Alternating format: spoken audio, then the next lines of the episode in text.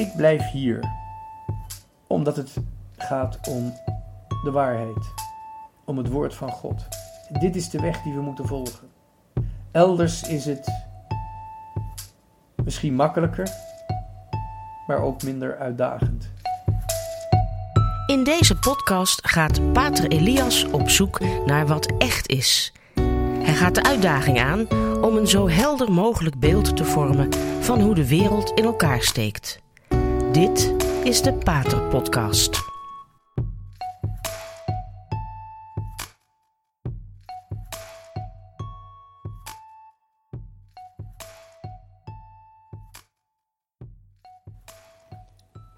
In onze verwarrende tijd is het helaas onvermijdelijk dat er mensen het katholieke geloof, of althans de katholieke geloofsgemeenschap, vaarwel zeggen om hun heil elders te zoeken. De kleinste groep misschien, dat zijn de vrijzinnigen, die het, ondanks alles wat tegenwoordig mag, het toch nog iets te streng vinden en hun heil gaan zoeken bij de vrijzinnige protestantse kerken, waarin het helemaal niet zo duidelijk is wat je nou echt gelooft. En dat is best wel makkelijk. Dat is een vrij kleine groep, omdat de nostalgie naar het katholieke, katholieke leven en katholiek beleven toch altijd net iets sterker is dan de vrijzinnige eenvoud en eigenlijk vrijzinnige gebrek aan uiterlijkheden en daardoor ook gebrek aan feestelijkheden. Er is ook een groep, ook niet zo groot, die zijn heil zoekt bij de wat meer Calvinistische of strengere protestantse kerken, vanwege het eenvoudig voorgestelde geloof. Men zoekt dan iets helders op, in ieder geval iets helders dan de steeds verwarrend wordende geloofsleer, althans zo lijkt het, in de katholieke kerk. Die groep is vrij klein. De groep die vanuit de katholieke kerk naar de Calvinistische geloofstraditie vertrekt. Ik zou er alleen willen, bij willen opmerken dat die kleine groep dan wel kiest voor een enorme reductie in de christelijke wijsheid. Het gevaar bestaat namelijk bij de protestantse kerken, met name de wat, wat strengere, oftewel de wat meer echt serieuze protestantse kerken. Ik heb daar veel respect voor, maar er bestaat wel een geloof, althans het, het, het um, gevaar bestaat dat het geloof afgeleid naar een binaire instelling, een manier van zwart-wit denken. Door het geloof ben je gered. Als je niet gelooft, ben je verdoemd. En daar kan nog bij komen dat God voor alle eeuwen, voordat je geschapen werd, al beslist heeft of je wel gelooft en gered wordt, of niet gaat geloven en dus niet wordt gered. Ondanks de schijnbare grotere vrijheid bij de Calvinisten blijft toch altijd de predestinatie als een soort van zwaard van Damocles boven je hoofd hangen. En, zoals ik al zei, je kunt dan afgeleiden naar die binaire visie op het leven. Die zeer gereduceerde manier van zwart-wit denken. Een gereduceerde wijsheid is het eigenlijk. Terwijl we bij de katholieken altijd hebben gezegd, niet alleen het geloof redt, maar ook de goede werken. En dat betekent dat wij dus als katholieken non-binair zijn. We zijn namelijk trinair. Wie gelooft wordt gered, is eigenlijk al gered. Wie het geloof afwijst tot het einde, kan niet gered worden.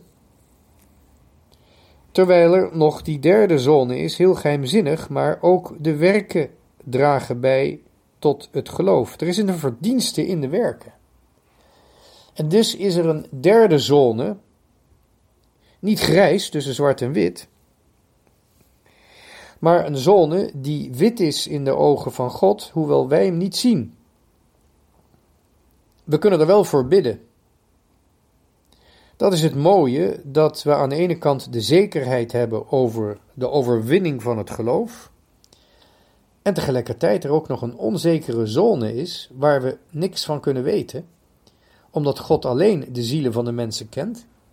God alleen kent de intentie waarmee de mens zijn werken verricht, dus ook zijn goede werken. En dat betekent dat er een hele zone is waarop wij niet, maar God wel zijn licht kan laten schijnen. En dat is altijd zo dat in dat gebied speelt het geloof voor ons natuurlijk een rol, maar nog veel belangrijker, er is een vruchtbaarheid van ons geloof in de hoop. En die hoop die gaan we dan in praktijk brengen, als het ware, door te bidden. Wij zijn niet binair, we zijn non-binair, we zijn trinair. En de derde zone, dat is die zone waar eigenlijk niets onmogelijk is, maar als het wel mogelijk is, is dat door ons gebed. Het is heel moeilijk om die Romeins-katholieke wijsheid op te geven voor de wat simpelere, maar wel erg gereduceerde Calvinistische geloofsbeleidenis. Terwijl daar bovendien ook nog geldt dat wij in de kerk af en toe boven ons een enorm kruisbeeld hebben hangen, met het corpus, met het lichaam van Jezus erop, maar geen zwaard van Damocles. Predestinatie voor ons is eigenlijk irrelevant, behalve dan dat de voorbestemming niet zozeer gaat over ons, maar over Christus. Christus is voorbestemd om het enige heil te zijn, de enige verlosser te zijn. En daar spitsen we ons op toe. En dan wordt het leven wordt geen angstig over je schouder kijken of hoog, omhoog kijken waar dat zwaard van Damocles hangt. Maar het wordt een vragend naar boven kijken, naar God. Hoe ga ik tot het einde komt nog antwoord geven op jouw gave? Ik geloof, ik ben verlost, fijn, maar tot mijn dood wil ik me niet dood vervelen.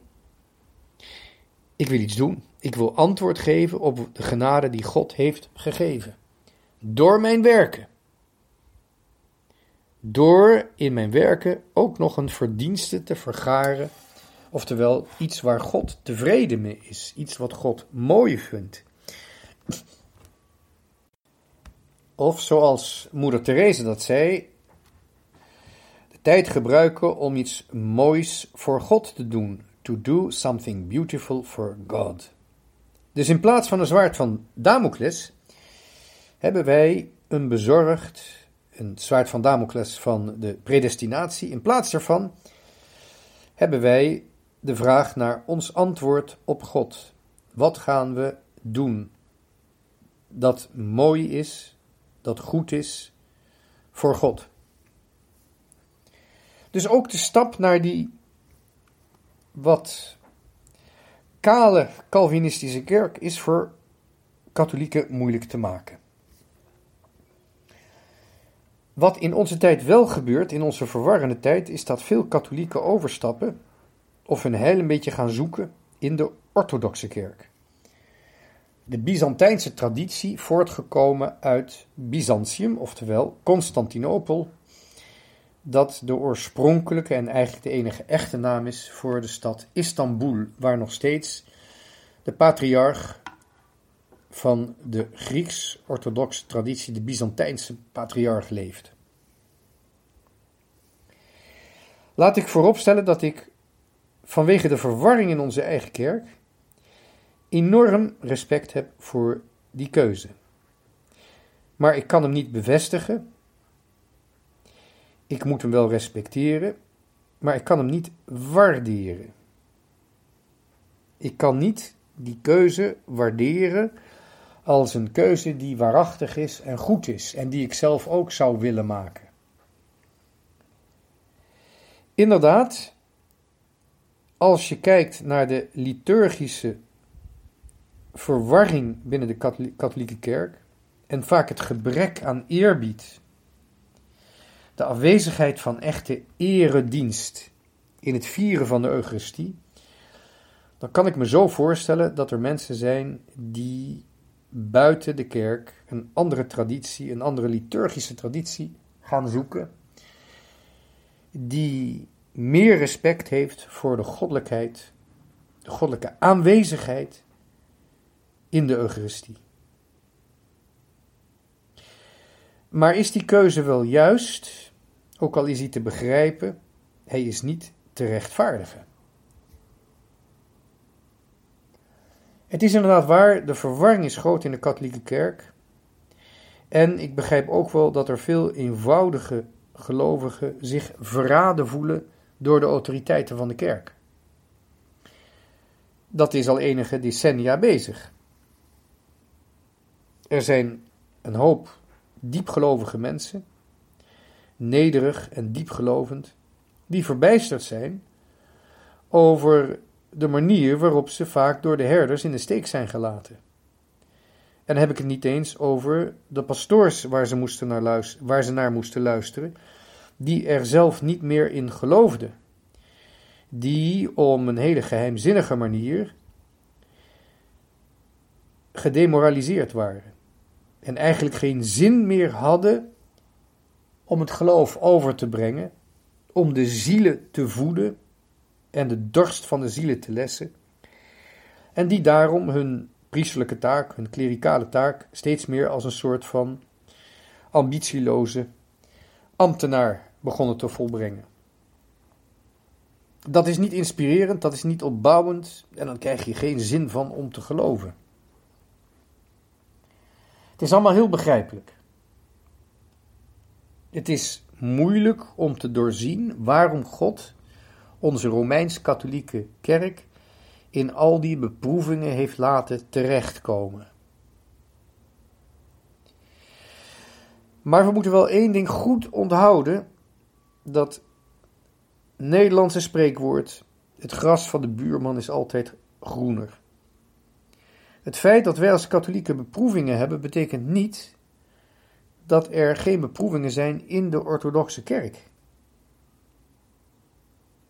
En als ik dus overstap naar de orthodoxe kerk of naar een andere kerk, dan kijk ik niet alleen naar de redenen waarom het voor mij me dichter bij Christus brengt om naar die gemeenschap te gaan. Kunnen we het altijd nog over hebben, waarom ik geloof dat dat niet zo is. Maar ik kan me voorstellen dat de indruk bestaat dat je binnen, zeker binnen de liturgie van een orthodoxe kerk, God met meer eerbied kan benaderen en dus ook meer genadegaven van hem kunt ontvangen. Ik kan me dat helemaal voorstellen, ik heb er alle begrip voor, maar ik kan het niet rechtvaardigen. Want je moet ook nog een tweede vraag stellen. Denk nou niet namelijk dat het in die orthodoxe kerken allemaal koek en ei is, alsof daar geen crisis is. Alsof daar de traditie, in hun geval dus de Byzantijnse traditie, niet in stormachtige wateren zijn terechtgekomen. Waarom zou het daar, menselijk gesproken, allemaal volmaakter zijn dan bij ons? Waarom zou het daar op goddelijk gebied volmaakter zijn dan bij ons? Ook die kerken, die worden bevolkt door mensen die niet volmaakt zijn. Die worden bevolkt door kerkgangers die ook nog geraakt worden door de gevolgen van de erfzonde. En dus de problemen zijn daar echt niet minder dan bij ons. Alleen, alleen er worden andere beproevingen toegelaten door God. God staat toe dat er demonische aanvallen zijn op die orthodoxe kerk op een andere manier dan op onze Romeins-Katholieke kerk. En dat moet je onder ogen zien. Je moet niet alleen de vraag stellen: is het gras van de buurman groener? Kan ik het geloof daar waarachtiger beleven? Wordt het geloof daar helderder geleerd? Die vragen moet je stellen.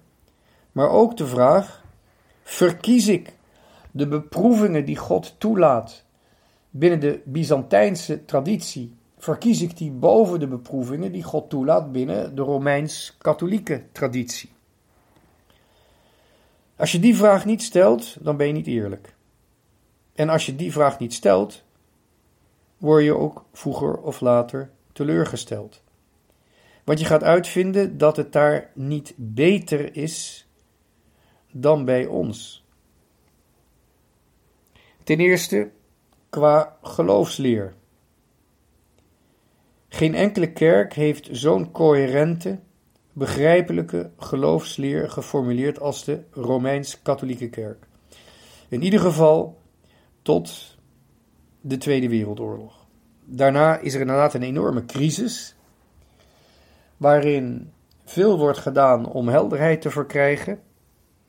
Maar zelfs in die verwarring binnen het leergezag van de katholieke kerk is de toestand minder, nog minder erg dan binnen het leergezag van de orthodoxe kerken.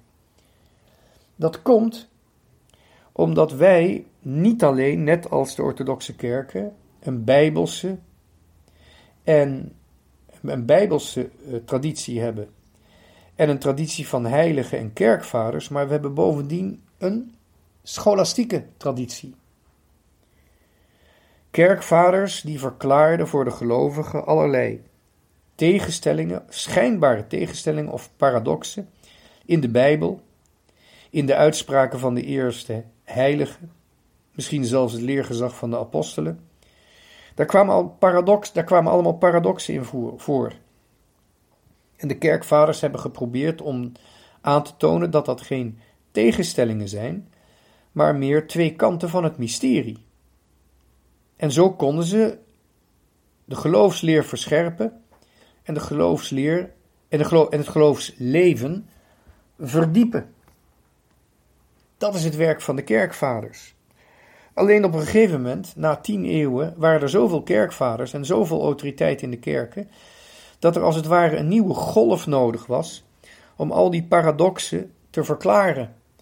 Omdat niet alleen de schrift en de traditie vol zit met paradoxen, maar inmiddels zaten de kerkvaders zelf ook vol met paradoxen en schijnbare tegenstellingen.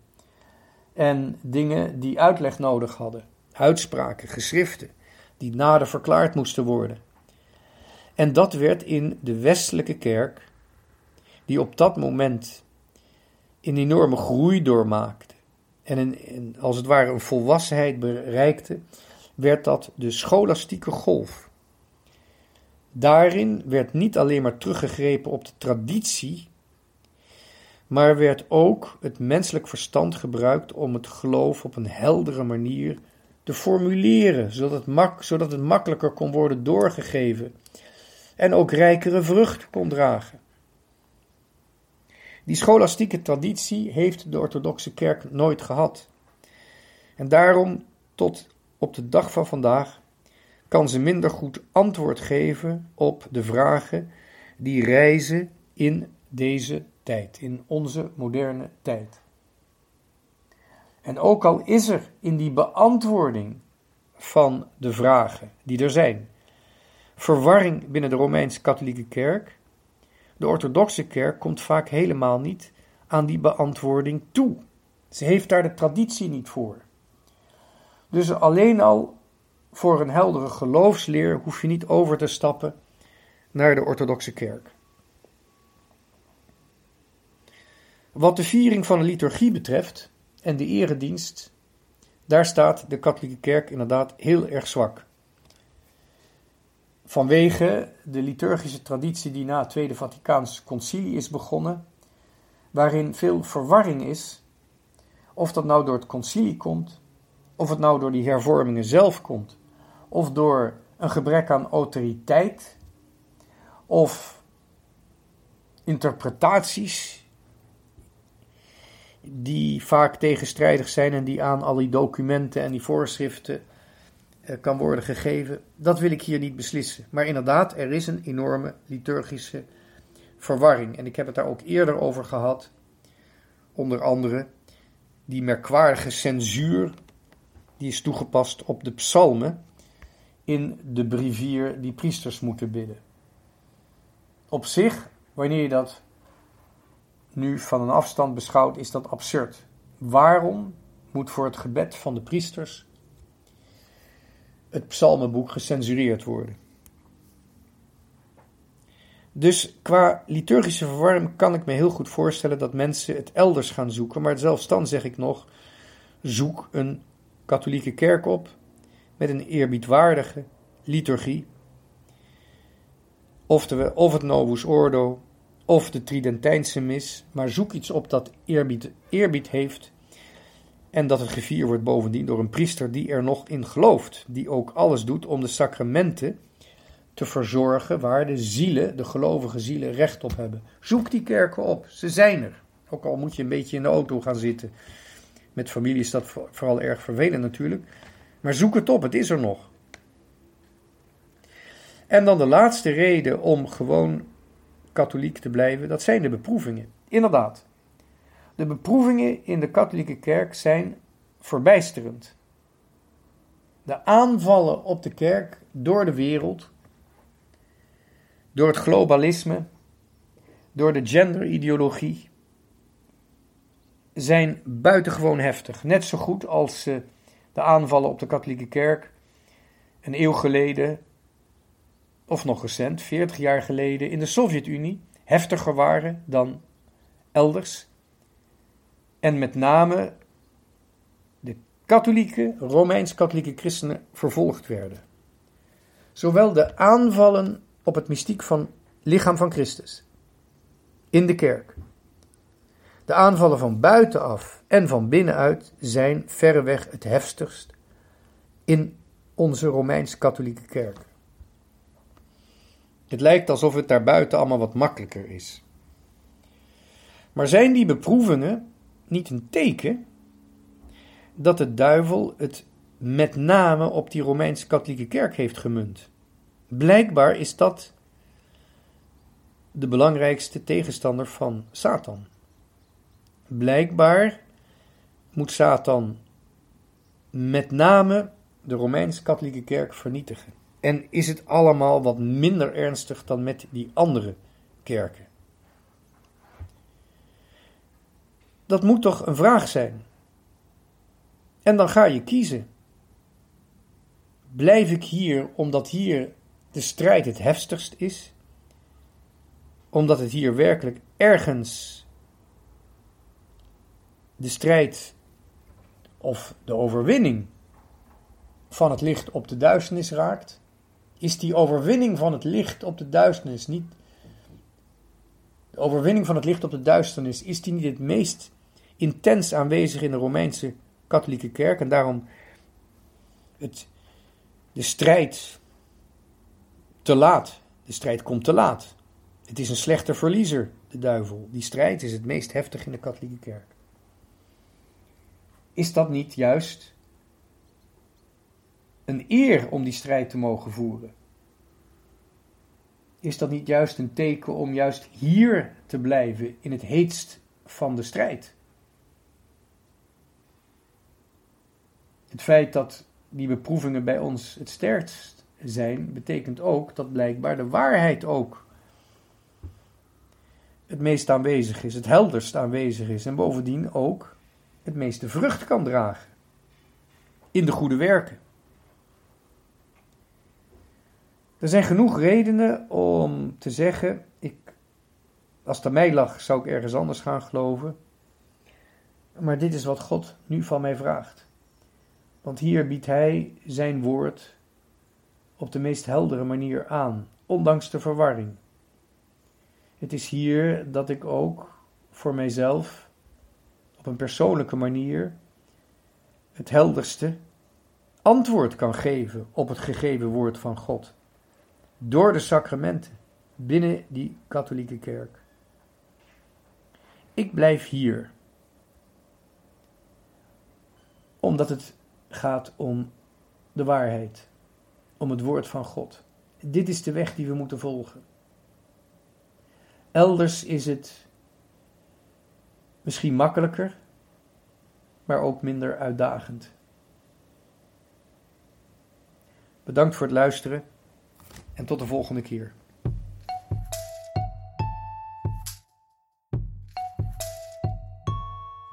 Dit was de Radio Maria Pater Podcast met Pater Elias. Deze podcast is online terug te luisteren via de website van Radio Maria en andere podcastplatforms.